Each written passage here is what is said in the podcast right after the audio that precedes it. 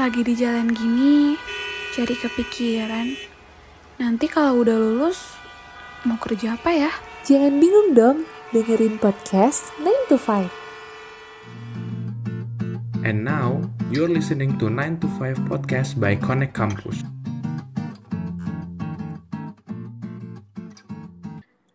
Teman-teman podcast 9 to 5, welcome back in another episode of podcast 9 to 5 Dan episode hari ini bakal ditemenin sama gue, Jesslyn Selama kurang lebih 45 menit atau 50 menit ke depan. Bakal ngobrol-ngobrol lagi nih sama gue di sini So stay tune always. Dan kalian boleh coba share-share episode ini ke teman-teman kalian atau jangan lupa juga stalkin episode episode lain dari podcast 9 to 5. Tapi tentunya ya guys, gue gak akan sendiri karena hari ini bakal ditemenin sama speaker kita yang seru-seru. Kita bakal ngebahas tentang um, another career lagi nih, pekerjaan lain yang mungkin teman-teman banyak yang belum tahu. Jadi kita bakal coba kupas bareng Kak Deborah hari ini. Hai Kak. Hai Jesslyn, hai juga teman-teman pendengar 9 to 5. Salam kenal ya. Yeay. Gimana kabarnya Kak hari ini? Alhamdulillah puji Tuhan, kabarku baik. Kalau kamu gimana Jesslyn? Sehat-sehat? Baik. Sehat-sehat Kak. Kita juga berharap teman-teman yang lagi dengerin sehat-sehat ya guys. Jangan Betul lupa prokesnya. Betul banget. Ya. Betul banget. Nah, berarti nih Kak di tengah PPKM kayak gini, uh, Kak Deborah kerjanya berarti WFH ya kak? Uh, iya, jadi uh, aku ada WFH, aku juga ada WFO pekerjaan yang uh. mengharuskan aku WFO.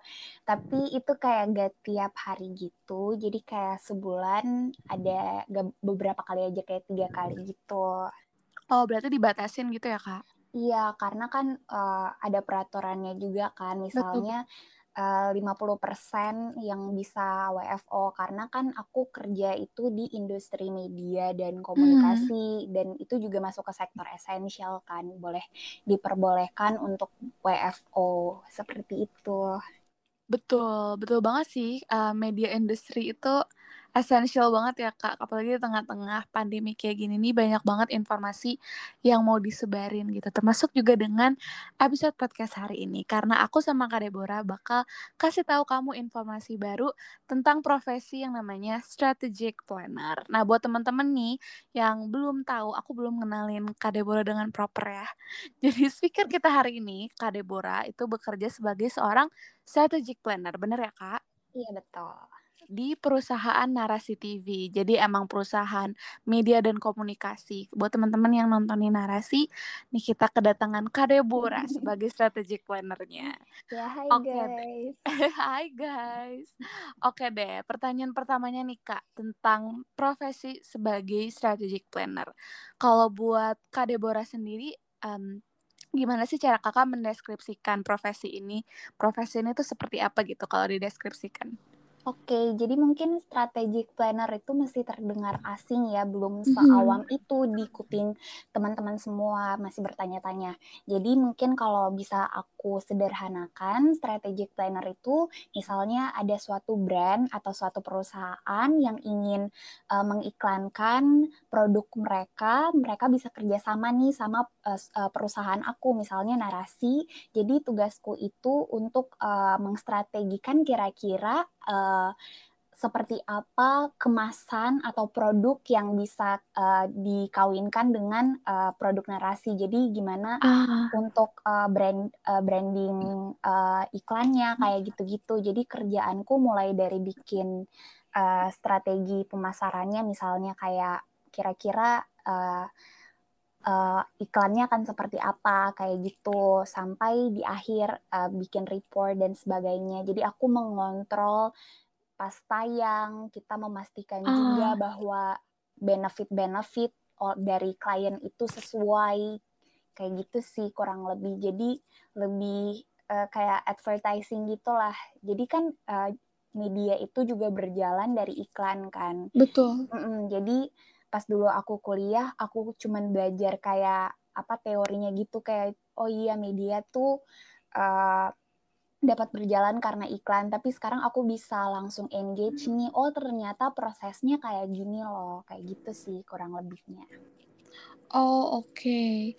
berarti langsung terjun di dalam kalau kok bisa bilang kayak kolaborasi dengan brand gitu sama perusahaan yang di tempat kakak bekerja gitu ya kak? Iya, jadi kalau misalnya mereka punya kebutuhan, misalnya Mhm. ingin uh, mengkampanyekan sesuatu atau uh, memberikan edukasi terhadap satu hal dari produk mereka, dari brand mereka, nanti bisa di narasi uh, di kantor aku sekarang kayak gitu, kurang lebih. Oh, I see. Tapi aku juga setuju banget nih sama Kak Deborah karena perusahaan media itu pasti ker- em, berjalan dari iklan gitu. Mm-mm. Dan kalau di narasi juga beberapa kali aku nonton uh, beberapa tuh kolaborasi juga gitu Kak dengan brand kayak kalau nggak salah aku pernah lihat Uniqlo atau ada. Dove gitu. Heeh.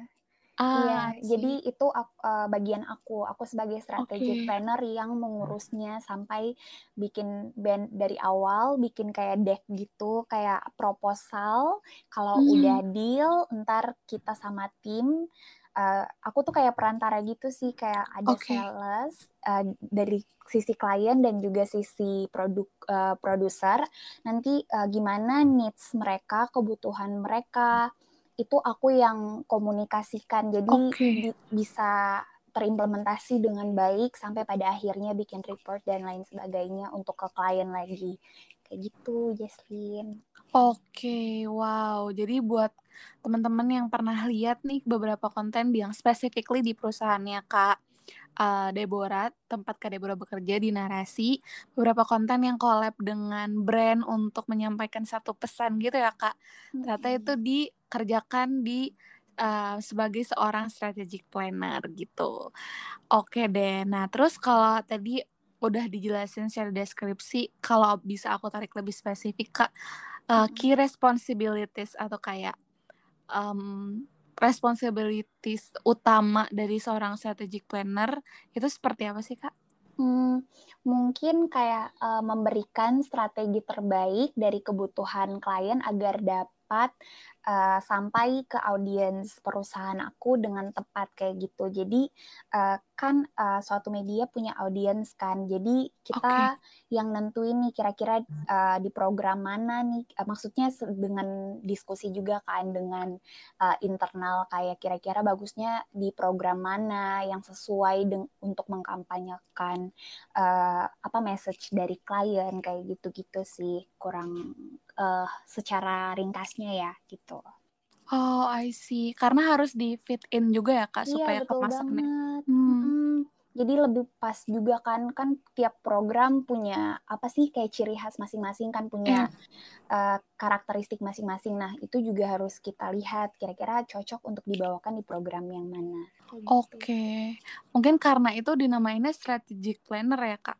Karena Mm-mm. dia nyusun strategi untuk apa ya menghubungkan klien dengan perusahaan supaya bisa ngasih konten yang sesuai tapi yang bermanfaat juga sesuai konteks gitu ya Kak.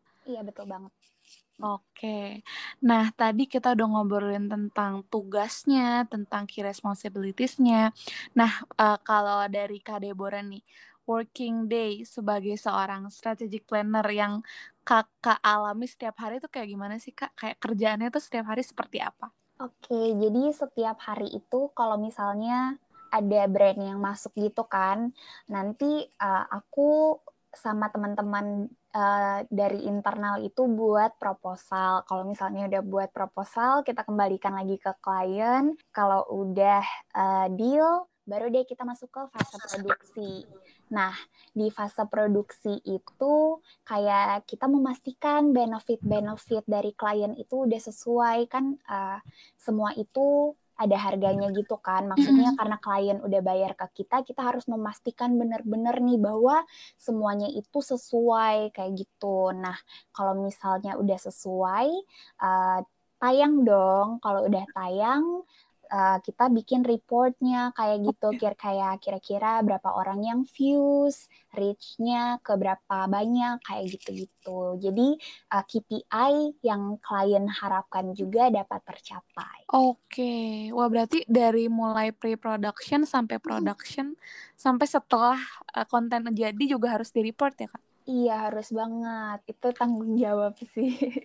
Oke, iya karena aku juga mikirnya mungkin kan uh, ketika perusahaan kerja sama klien kan pasti ada kayak tanggung jawab yang harus kita handle ke mereka kan karena Mm-mm. seperti yang Kak Deborah bilang mereka udah dapat benefit jadi sebagai perusahaan juga harus responsible sama klien tersebut gitu ya Kak. Betul banget, betul banget. Oke, nah ternyata itu juga salah satu hal yang Kak Deborah kerjakan ya di working day sebagai seorang strategic planner. Iya. Nah, eh, tadi kan eh, aku juga udah sempat singgung nih dari pre-production, production sampai konten naik, berarti kan kita bikin plan atau strategi plan yang strategis gitu untuk mengeksekusi satu project ya Kak, kalau bisa aku bilang. Iya, satu project. Oke, nah eh, kalau kita ngomongin tentang plan itu sendiri kan kadang begitu di lapangan atau em, something change gitu yang bikin kita harus menyesuaikan lagi nih plannya. Nah, eh, sebagai seorang strategic planner, Kak Deborah pernah nggak sih ngalamin hal, hal itu dan cara kakak untuk adapt atau untuk menyelesaikan masalah di tengah masa produksi atau pengerjaan project dengan klien itu seperti apa sih Kak? Mm-mm, betul banget. Sebenarnya itu kayak eh, makanan sehari-hari ya. Oke. Karena kan kita kerja di dunia media yang begitu Hmm. dinamis, apalagi kita kerja sama klien yang tentunya mereka punya suatu keinginan kayak gitu Oke. dan juga harus kita adjust sama eh, internal kayak gitu sama perusahaan kita apakah sesuai apa enggak. Cara aku untuk menyikapinya yaitu dengan eh, harus bisa cepat tanggap sih Oke. untuk bisa uh, meng, uh, meng- mengabsorb uh, apa keinginan dari masing-masing pihak, kemudian mengkomunikasikannya. Jadi win-win solution gitu, terbaik Oke. buat klien dan juga terbaik juga untuk perusahaanku. Jadi harus cepat tanggap, communication skills juga penting banget. Uh, kemudian problem solving karena kita dihadapin juga kan dengan uh, masalah-masalah kayak gitu. Jadi harus uh, kayak strategic thinking gitu. Kira-kira untuk menyikapi suatu masalah itu langkah strategis yang bisa diambil dan juga untuk win-win solution kepada berbagai pihak tuh kayak gimana. Kayak gitu sih kalau dari apa yang aku kerjakan. Oke, wow. Ini menarik banget karena hubungan pekerjaan secara profesional itu kan apa ya, pasti uh, banyak demand-nya atau kayak dari klien ada keinginannya, tapi sebagai strategic planner kakak juga uh, megang keinginan dari perusahaan gitu ya Mm-mm, kak. Betul. Berarti emang harus cepet tanggap banget gitu ya. Iya harus banget sih. Oke, berarti selama kalau working day terus kalau lagi ngalamin uh, problem atau masalah di tengah pengerjaan project tuh banyak kontak-kontakan gitu ya kak kayak ke sana Iya. ke sini gitu. Hmm, harus kayak komunikasikan kan sama tim kita kayak kira-kira gimana sih langkah paling tepat untuk menangani isu ini? Kayak gitu. Ya harus dihadapin dan dikomunikasikan.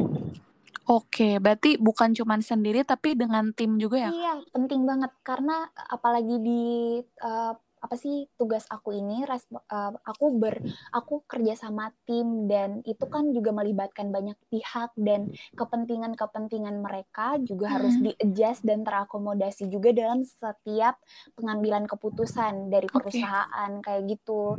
Jadi emang harus didiskusi didiskusikan sedetail apa pun itu sih permasalahannya. Oke, aku setuju banget sih kak, bener banget nih kata kak Deborah. Karena kalau yang aku bayangin ya kak, soalnya kita lagi ngerjain project itu kan pasti banyak divisi yang involve gitu. Hmm, Terus kalau ternyata there is one problem dan plannya harus diganti, tapi nggak dikomunikasikan dengan baik, pasti kacau juga gitu ya Kacau kak. banget, kacau banget makanya emang harus harus mengkomunikasikan segala sesuatu sih harus penting Oke, banget. dan pasti beradaptasi gitu ya kak dengan perubahan. Iya, adaptasi harus cepet banget sih. Oke. Nah, eh, terus juga ngomongin tentang eh, strategic plan dalam mengerjakan suatu project yang kayak tadi aku bilang pasti banyak divisi yang involve gitu, bukan cuma satu bahkan ya Kak. Apalagi dalam perusahaan media kayak narasi kan berarti bentuk akhirnya mungkin kayak konten gitu ya Kak, kalau bisa aku Iya, bilang. Bisa Oke. di berbagai platform kan, ada di website, ada di YouTube, ada di. Instagram, Instagram program-program juga. Jadi outputnya ada ke banyak eh, apa platform kayak gitu. Oke, nah berarti kan akan banyak divisi yang involve di- eh, selama proses pengerjaan konten tersebut atau project tersebut gitu Kak. Nah sebagai strategic planner kan pastinya kita harus apa ya bikin setiap divisi itu inline dengan strategi yang udah kita bikin. Karena kalau enggak kan jadinya nggak efektif strateginya jadi nggak bisa dijalankan. Akhirnya tujuannya mungkin jadi melenceng gitu kak. Nah tapi kalau kak Deborah ini sebagai strategic planner gimana sih cara kakak untuk make sure kalau setiap divisi yang involved dalam satu project itu udah inline nih dengan strategi yang kakak dan tim buat gitu? Tentunya uh, kita gak bisa ya um, uh, kayak mengatur gitu ya karena tentunya setiap divisi punya interest masing-masing. Okay. Nah, uh, karena mereka punya kepentingan, uh, punya bagian masing-masing itu kita juga harus mengakomodasinya dan karena banyak banget dan beda-beda, jalan yang paling tepat itu dengan mengkomunikasikannya menurut aku. Jadi kita bisa ketemu jalan tengah kira-kira suara atau keputusan yang pengen diambil tuh kayak gimana. Hmm. Ya paling kayak persuasif kayak gitu-gitu. Jadi teman-teman dari divisi lain juga bisa paham needs atau kebutuhan kita itu seperti apa dan kita bisa cari jalan tengah dari uh, suatu permasalahan kayak gitu sih. Oh oke. Okay. Hmm. Berarti membentuk plan yang strategis itu harus mengakomodasikan kepentingan dari divisi lain gitu ya kak? Iya, karena kan kita representasi bukan representasi divisi tapi kita representasi suatu perusahaan kan. Hmm. jadi emang plannya itu emang harus uh, inklusif uh, mencakup uh, perusahaan itu. Sekalipun emang pas di dalamnya lebih banyak lagi kan perintilan-perintilannya banyak divisi. Tapi gimana suatu uh, plan atau strategi itu bisa merepresentasikan suatu perusahaan Oke, berarti dalam pembuatan strategi itu harus mementingkan uh, kinerja atau kayak needs dari uh, divisi lain untuk sampai akhirnya bisa bikin satu strategi yang emang udah mengakomodir uh, semua kebutuhan divisi lain gitu ya, Kak? Betul banget. Oke. Nah, tapi kalau dari kayak mengakomodir setiap kebutuhan divisi-divisi lain, termasuk juga dengan persuasif gitu menyampaikan uh, plan atau needs dari project yang sedang dikerjakan atau yang akan dikerjakan, dari Kak Deborah pernah nggak sih Kak ngalamin kesulitan atau kayak tantangan gitu uh, selama mengerjakannya gitu? Mm -mm. Tentunya banyak banget ya. Karena kita kerja dengan banyak orang, banyak kepala kayak gitu. Okay. Uh, mulai dari mungkin uh, adaptasi dulu ya. Maksudnya hmm. adaptasi itu penting banget. Jadi kita bisa paham uh, lingkungan kita dan rekan kerja kita kayak gitu. Kira-kira pendekatan seperti apa yang baik untuk kerja sama-sama uh, suatu tim atau suatu orang kayak gitu. Kemudian uh, communication skill juga penting banget apalagi karena kita WFH, kita kan kerja by uh, WA atau by Slack kayak gitu. Maksudnya platform platform komunikasi. Dan karena kerja tentunya kita harus bisa efektif communication sih. Bukan aja komunika komunikasi tapi efektif. Gimana kita pas kita meng, uh, ingin mengkomunika mengkomunikasikan sesuatu itu efektif dan bisa langsung uh, dicerna sama teammate kita. Jadi uh, hmm. lebih strategis dan gak apa sih gak salah uh, sasaran atau gak salah maksud gak misinterpretasi kayak gitu-gitu sih yang jadi challenge yang aku rasa dan emang harus cepet tanggap kan karena uh, banyak banget nih uh, isu atau masalah-masalah jadi harus cepat tanggap dalam menyikapinya kayak gitu-gitu sih okay. uh, beberapa uh, permasalahan yang aku rasa ada kayak gitu Oke, berarti harus selalu on ya, aku bisa bilang Kak, kayak harus selalu aktif di yeah. sosmed gitu ya? Uh, kayak harus uh, selalu aktif menanggapi suatu masalah deh, mm. kayak gitu. Mm, berarti harus siap sedia banget siap, tuh ya? Siap sedia, siap. berarti kalau selama di WFH ini uh, Kak Deborah banyak cek-cek WhatsApp atau grup lain gitu ya Kak? Mm -mm. Uh, iya kita pakai WA sama Slack kayak gitu. Jadi ah, kan I see. Iya kalau misalnya ada meeting baru deh di Google Meet kayak gitu-gitu sih. Oke, okay. karena aku juga pernah dengar kak satu kalimat uh, dalam bekerja itu yang menyatukan setiap divisi itu justru dari awal adalah pembagian pembagian dari job desk itu sendiri. Jadi kayak apa ya? Ngasih tahu ke orang yang involve dalam satu project tentang apa yang harus mereka lakukan supaya bisa inline gitu. Mungkin itu yang Kak Deborah hadapi ya sebagai seorang strategic planner. Uh, sebenarnya uh, teman-teman divisi udah paham kan uh, tugas mereka. Mm-hmm. Cuman karena tiap project itu kan beda-beda, jadi pendekatannya pun beda-beda. Jadi okay. itu yang aku harus uh, make sure lagi bahwa mereka uh, kita semua ini udah sevisi gitu untuk uh, untuk bisa mengerjakan suatu project itu kayak gitu. Jadi aku yang mengkomunikasikan oh ini nih needs dari klien jadi nanti pendekat uh, mungkin bisa membantu teman-teman setim aku untuk pendekatannya seperti ini untuk uh, menyelesaikan project kayak gitu sih Oke, jadi menyasar satu needs atau tujuan gitu ya kak dalam satu project. Mm-mm, jadi kita semua udah satu uh, paham lah sama-sama ngerti uh, nanti outputnya seperti ini ya. Oke. Okay. Gitu. Oke. Okay. Uh, nah, terus kalau ngomongin tentang effective communication juga nih, Kak, aku uh, ngerasa selama di kuliah kan kita suka ikut kepanitiaan atau ngerjain satu acara juga di dalam satu divisi, kan pasti kita punya kayak uh, plan atau tujuan kalau yang tadi Kak Deborah bilang output gitu dari satu divisi dan yang namanya effective communication itu juga penting bahkan sekarang teman-teman mahasiswa juga ngalamin gitu ya Kak dari apa sih kepanitiaan mereka terutama selama kita kuliah online. Nah kalau dari Kak Deborah sendiri kakak punya nggak sih Kak tips untuk bisa mengkomunikasikan sesuatu tuh dengan efektif gitu di tengah kondisi yang sekarang serba online tapi harus tetap dituntut untuk produktif dalam melakukan sesuatu gitu. Oke, jadi uh, dulu tuh kayak pemahaman aku itu masih luas komunikasi tuh kayak uh, kita menyampaikan pesan aja mm-hmm. ke receiver atau lawan bicara kita. Tapi sejak aku kerja itu pemahaman aku saat kita bekerja suatu komunikasi itu harus efektif biar cepat di apa uh, sederhana namun bisa cepat sampai ke uh, lawan bicara kita atau okay. teammate kita kayak gitu. Kalau cara aku meng uh, implementasikan effective communication itu dengan uh, memastikan bahwa segala poin itu uh, jelas dan juga detail pas aku menyampaikannya. Jadi okay. langsung efektif gitu sih sampai ke teammate kita kayak gitu. Oke, jadi memastikan sesuatu yang harus disampaikan ke teammate itu tersampaikan gitu ya, Kak? Iya, secara efektif tapi sederhana juga kayak gitu. Hmm, dan mudah dimengerti pastinya iya, ya. Iya, itu sih karena efektif kan kata okay. efektif berarti harus mudah dimengerti oleh lawan bicara kita kayak gitu. Oke. Okay.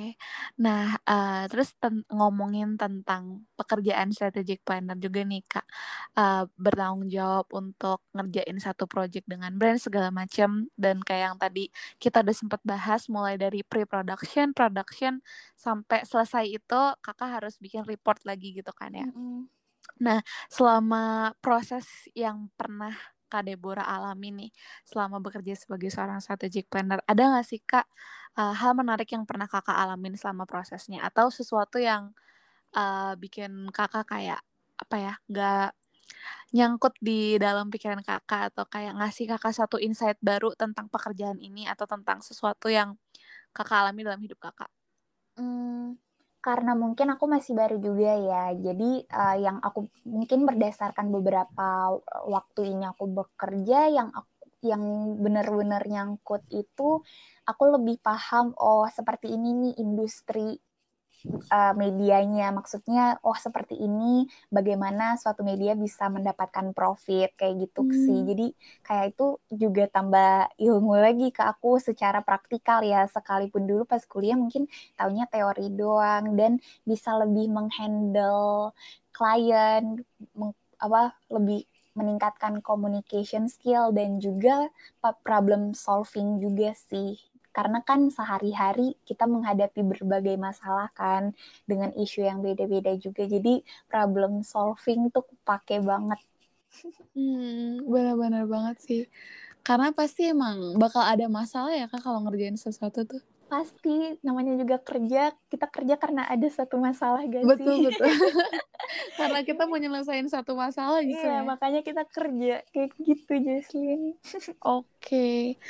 berarti um, satu hal yang menarik itu justru ya simply as a strategic planner itu ya kak kayak bisa tahu needs dari klien terus nyocokin dengan perusahaan termasuk juga dengan prosesnya yang walaupun kayak oh kalau yang aku bayangin kayaknya dinamis banget gitu kita nggak tahu Mm-mm. kapan masalah datang dan harus selesai Iya. kapan harus siap pokoknya. oke berarti tapi itu justru yang interesting buat kak Deborah ya Iya, eh, belajar banget, eh, belajar banyak banget lagi sih. Karena dulu aku kan eh, pernah juga magang di media, tapi Hmm. eh, kayak lebih keluar. Aku belum pernah, eh pernah sih magang juga maksudnya di back office gini. Dan ini kayak bener-bener ternyata tuh sama pentingnya loh or, eh, oke tim kita yang di belakang layar tuh sedetail itu dan juga emang eh, se sepenting itu. Jadi semua pekerjaan itu tuh sama pentingnya dan pokoknya Betul. kayak menggugah aja sih sama Hmm. pekerjaan aku ini sekarang. Oke, berarti setiap part dalam pekerjaan itu punya tujuannya masing-masing, punya porsinya masing-masing gitu ya, Kak? Dan sama pentingnya untuk eh, keberhasilan suatu Betul. perusahaan. Oke. Nah, terus tadi ada yang menarik juga nih dari yang Kak Deborah eh, paparin kalau eh, belum pernah kerja di belakang layar atau misalnya kayak dalam hal apa ya kayak sebagai seorang strategic planner apalagi kayak eh, mungkin pekerjaan ini banyak orang yang belum tahu atau mungkin teman-teman mahasiswa itself baru kayak ah, strategic planner apa tuh gitu. Mm-mm. Tapi kalau dari Kak Deborah sendiri akhirnya bisa bekerja atau sampai di dalam profesi ini strategic planner itu kayak gimana sih Kak? Apakah Kakak sebelumnya udah sempat kepoin pekerjaan ini terus akhirnya daftar sebagai seorang tra- strategic planner atau seperti apa? Sebenarnya enggak bang, Eh, itu tidak ya, tidak seperti itu. Jadi pokoknya pas aku lulus, aku sempat magang dulu kan. Jadi pas aku lulus tuh pas pandemi, kamu bayangin aja kayak lulus di tengah-tengah pandemi tahun 2020, itu Hmm. begitu susah ya guys mencari pekerjaan. Jadi setelah eh, aku magang dulu jadinya di perusahaan media juga Ah. kumparan sebagai social media officer. Terus eh, tiga selama tiga bulan, terus aku eh, karena udah selesai, aku dapat opportunity eh, untuk eh, bekerja di narasi dan pas interview ternyata HRD melihat mungkin potensi aku atau juga berdasarkan kebutuhan dari perusahaan membutuhkan strategic planner. Jadi eh, aku masuknya ke strategic planner sebagai strategic planner. Dan itu tuh di bawah divisi business development kayak gitu. Jadi emang eh, aku kayak terbuka aja sih sama opportunity yang ada selagi dan ini kan juga bisa untuk kita belajar juga kan Hmm, hmm. memperluas eh, pengalaman gitu sih Oke, berarti bekerja sambil belajar ya Kak maksudnya jadi dapat banyak iya insight parah baru. banget karena kan ini kayak suatu hal yang belum pernah aku kerjakan sebelumnya jadi Hmm. ya emang sambil menyelam kita minum air ya jadi belajar sambil bekerja jadi kayak tiap hari Wow. tuh ada suatu pelajaran baru kayak oh ternyata kayak masalah ini tuh diselesaikan dengan gini jadi makin lama kayak Ah. udah makin paham sih pola-polanya Wow, exciting banget. Oke, tapi kalau tentang ngomongin sesuatu hal yang baru, apalagi langsung bekerja gitu Kak, em, waktu awal-awal baru masuk atau kayak waktu awal-awal baru menyesuaikan, Kak Deborah pernah ngalamin kesulitan gak sih Kak? Apalagi kan ini pekerjaan yang mungkin eh, belum pernah Kak Deborah lakukan sebelumnya gitu. Iya banget.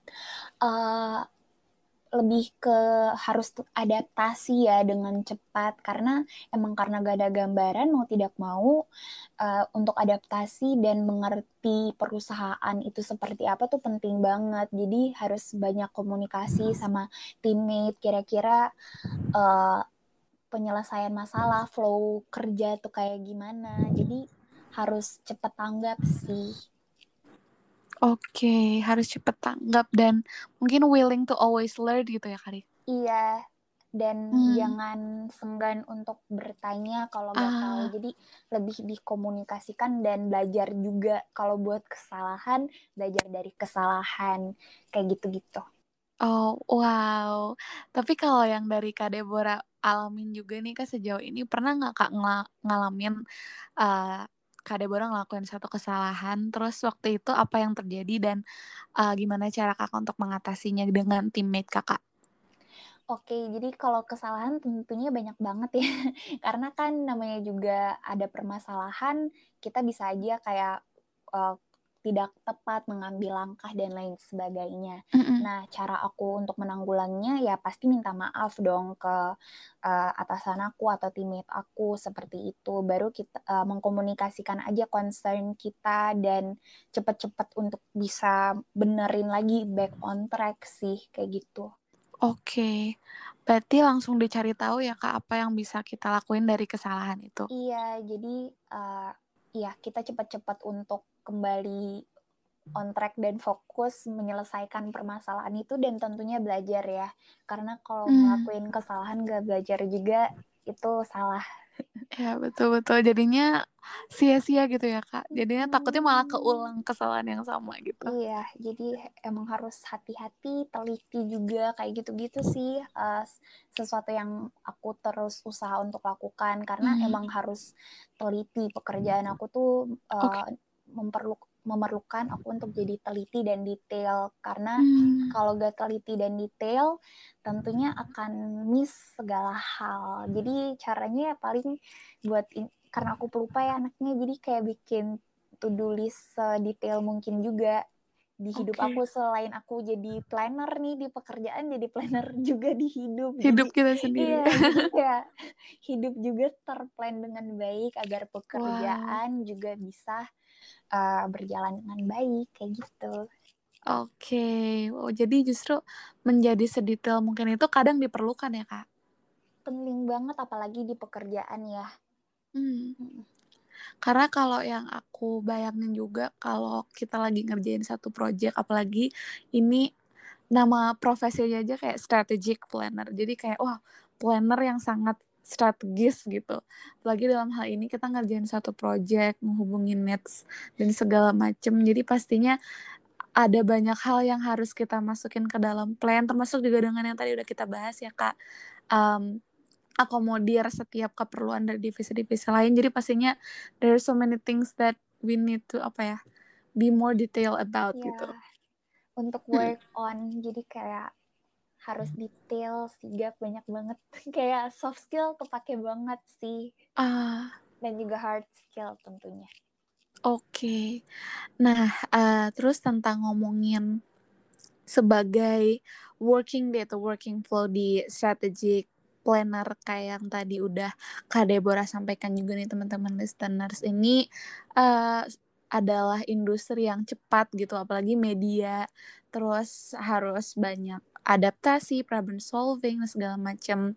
Tapi eh, kalau dari Kak Deborah sendiri bekerja di dalam industri yang cepat itu kalau bisa kakak deskripsikan itu seperti apa sih kak? Hmm, kalau dari aku lebih ke belajar sih, apalagi karena kita masih muda, jadi uh, menurut aku industri yang fast work, fast pace working working environment ini bagus untuk kita anak muda untuk belajar karena uh, menurut aku emang pas muda emang momen yang tepat untuk membekali diri dengan segala uh, rintangan dan challenge ya kayak gitu. Hmm. Jadi menurut aku rintangan ini kita jadikan pelajaran aja yang emang uh, harapannya ini jadi bekal yang baik pas kita udah dewasa nanti kayak gitu. Kalau dari Wow. pandangan aku ya. Oke, karena kadang mungkin kalau dari yang aku alamin atau dari yang aku dengar dari teman-teman gitu di mahasiswa tuh kadang kita kalau ketemu problem suka kayak, eh Ella, kenapa sih harus kayak gini gitu. Mm-mm. Kak Deborah pernah gak sih kan ngalamin yang kayak Iya gitu? banget, kan aku juga baru lulus Iya kayak makanya. apa nih masalah lagi masalah lagi ya teman-teman Heeh. aku relate banget sama concern itu Hmm. cuman ya emang pas kita kerja ya kan pasti ada masalah ya kayak tadi Hmm. kita udah diskusiin dan emang mau gak mau ya dihadapin aja kita pun dibayar mungkin untuk menghadapi masalah, Masalah. itu guys jadi kayak sabar aja dan memberikan yang terbaik Gitu. Oke, karena kalau yang dari aku bayangin juga ketika kita ngalamin problem gitu terus uh, kita problem solving tapi kayak at the same time juga sambil belajar kayak yang tadi Kak Deborah sampaikan kayak setiap hari tuh selalu ada aja hal yang kayak bikin kita oh ternyata kayak gini gitu Mm-mm. mungkin jadi lebih besar juga ya Kak kayak self fulfillmentnya kayak wah ternyata gue bisa nyelesain masalah ini gitu Iya, jadi kayak pas masalah datang kadang kayak ya Allah apalagi sih, apalagi ini gak kuat gue. Ternyata pas udah kelar, oh ternyata jadi assessment juga, ternyata kita bisa untuk menghadapi masalah yang awalnya kita rasa berat. Tapi kan segala sesuatu kalau udah terlewati itu kayak, oh seperti itu. Mm. Mm. Oke, wow. So there's always uh, something to learn every day gitu ya kak. Betul. Oke. Nah terus tadi udah ngomongin tentang bekerja di face-based working environment gitu. Tapi uh, yang dinamis itu kan ka- bukan cuma dunia kerja ya kak, tapi kayak kehidupan kita gitu as a person. Karena kita juga nggak tahu apa yang akan kita hadapi besok. Apalagi kalau ngomongin tentang mental health atau mood kan kadang suka gimana gitu ya. Kita nggak bisa tebak atau something bad always happen terus bikin kita jadi down atau apa. Tapi at the same time Kak Deborah sebagai strategic planner yang harus selalu adaptif harus selalu cepat tanggap dalam menyelesaikan sesuatu. Nah eh, selama kakak bekerja sebagai seorang strategic planner ketika kakak lagi ada dalam kondisi yang nggak enak atau kurang memungkinkan gitu tapi harus at the same time um, keeping apa ya untuk selalu jadi profesional dan selalu menampilkan performance yang baik. Kalau dari Kak Deborah sendiri gimana sih cara kakak untuk mengadjust diri kakak nih kalau misalnya lagi ada satu hal yang buruk tapi tetap harus dihandle nih pekerjaannya gitu. Eh, sebenarnya ini juga hal yang masih aku eh, cari cara sih pola tepat apa untuk menangani hal ini. Masih aku work on that too. Jadi kayak cara aku untuk menanggulanginya ya mau gak mau dengan menghadapi sih. Karena kalau misalnya udah kita hadapi kan kayak akan berakhir juga nanti kalau misalnya udah selesai pekerjaannya baru aku ngelakuin hal-hal yang aku suka.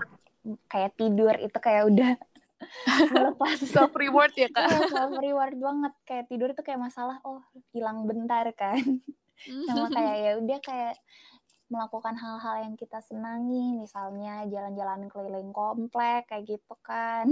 Mm-mm. Mm, pokoknya hal-hal yang bisa dilakukan selagi kita WFH kayak gitu Oke. jadi ha- dihadapin aja dulu sih karena aku pun masih bingung sebenarnya cara untuk menanggulanginya kayak gimana tapi kalau Hmm. sekarang kayak ya udah hadapin aja deh kalau kayak set di mindset kita ya udah ini akan berlalu tapi yang penting kita hadapin aja dulu Oke, wow. Jadi walaupun ragu, tapi mungkin harus tetap kita hadapin gitu ya, Kak. Mm-mm, biar selesai juga kan Bener-bener. Daripada dikejar-kejar deadline ya, guys. Mm-mm. Nah, jadi buat teman-teman udah mungkin sekarang mahasiswa lagi pada libur kali ya. Tapi nanti guys semester baru kalau dapat tugas jangan dikerjain deadline ya, guys. padahal aku juga dulu deadline Hadapi aja dulu gitu ya. iya Walaupun deadline, aku juga kadang ngerasa aduh kok ngerjain deket-deket deadline lebih lebih kebuka ya Iya. pikirannya. tapi Pengennya nyicil-nyicil tapi justru malah nggak keluar kak. Aku nggak ngerti Iya, kenapa. aku juga dulu gitu. Cuman pas kerja kayak kan ada timeline ya guys. Iya bener-bener ini ini ini ya. Kalau gak dikerjain ntar gimana nih? Oke, jadi mungkin teman-teman mahasiswa, teman-teman listeners boleh dicoba dalam kehidupan sehari-hari. Kalau lagi ngadepin sesuatu yang sulit daripada ditunda-tunda, mungkin bisa dikerjain gitu. Dihadapin aja kalau kata Kak Deborah. Iya, iya. Oke deh. Nah, walaupun Kak Deborah masih muda ya guys, baru lulus tahun Oh. 2020 ya Kak? Iya, baru lulus tahun 2020. Tapi kalau aku boleh kasih Kak Deborah kesempatan buat ngomong sesuatu nih ke diri kakak waktu masih kuliah atau your your younger self gitu. Apa sih yang pengen kakak sampein ke dia dan apa yang pengen kakak bi- terima kasih gitu ke dia? Ini siapa yang buat pertanyaan ini?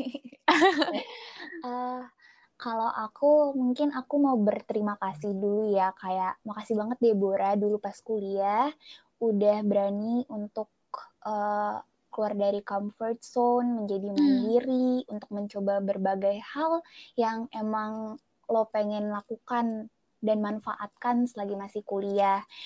Uh, makasih banyak karena udah membentuk jadi Deborah yang sekarang. Tapi kalau bisa kayak jangan tang maksudnya lebih explore lagi aja, jangan limitasi diri pas okay. uh, kuliah. Kayak aku lakuin banyak hal tapi uh, aku rasa ada beberapa part juga yang nggak aku hmm. lakukan kayak gitu jadi menurut aku berani aja untuk ngelakuin dan explore. Dan kalau uh, setidaknya tahu kira-kira potensi kamu di mana. Tapi makasih banget aku tetap berterima kasih sih udah mel udah melakukan hal-hal itu pas dulu di bangku kuliah. Karena itu juga untuk prepare diri aku sekarang uh, masuk ke dunia yang sebenarnya ini. wow, jadi Kak Deborah udah uh, mulai mempersiapkan banyak hal sejak kuliah sampai akhirnya jadi Kak Deborah yang sekarang, guys. Iya, sekalipun masih biasa-biasa aja sih, tapi enggak enggak keren keren. Tapi kayak setidaknya oke okay lah untuk menghadapi terpaan hidup yang sebenarnya ya guys udah kuat cukup kuat gitu. Yeay. Karena kalau ngomongin tentang ngelimit diri sendiri pasti banyak dari teman-teman yang hmm. pernah ngalamin juga ya. Karena kadang kita suka insecure gitu ya, Kak. Betul. Kayak masa kuliah tuh coba aja segala hal akademis hmm. non akademis jangan karena kamu mikir kamu tuh anaknya akademis banget gak pengen nyoba hal-hal non akademis karena kamu anaknya uh, eh, non akademis banget kayak akademisnya gak pengen di apa lebih diperdalam lagi kayak hmm. coba aja semua hal karena pasti semua itu tuh dari kita cicip satu-satu pasti okay. ada uh, suatu pelajaran yang bisa jadi bekal kayak gitu Oke, wow.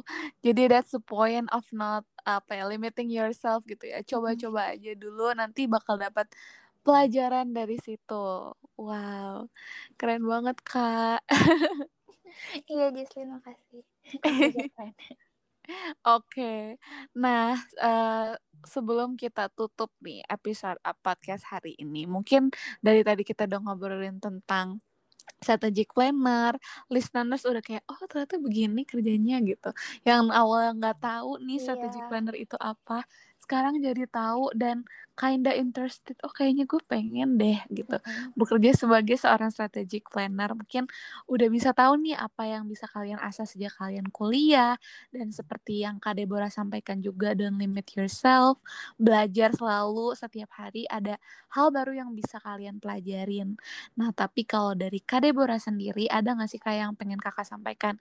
Buat teman-teman listeners yang mungkin udah mulai interested nih di dalam uh, pekerjaan strategic planner?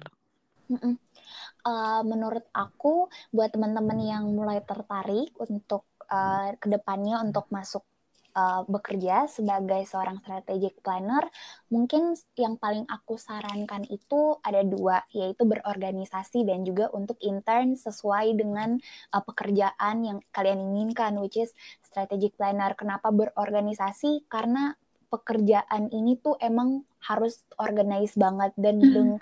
dengan lewat organisasi itu kalian bisa belajar banyak banget mulai dari planning dan juga eksekusi pokoknya itu udah sama banget deh sama pekerjaan aku sekarang untuk memegang handle handle project kayak gitu jadi hmm. untuk berorganisasi tapi uh, agar kalian lebih bisa mengerti lagi uh, environmentnya atau industrinya seperti apa aku sarankan untuk kalian bisa uh, ikut intern atau magang sesuai dengan uh, pekerjaan yang kalian inginkan. Jadi udah bisa preparation kurang lebih gambarannya seperti ini, uh, responsibility-nya seperti apa aja. Jadi dua itu sih yang menurut aku bisa kalian lakukan selama masih kuliah untuk mempersiapkan diri di pekerjaan yang kalian kalian inginkan yaitu strategic planner.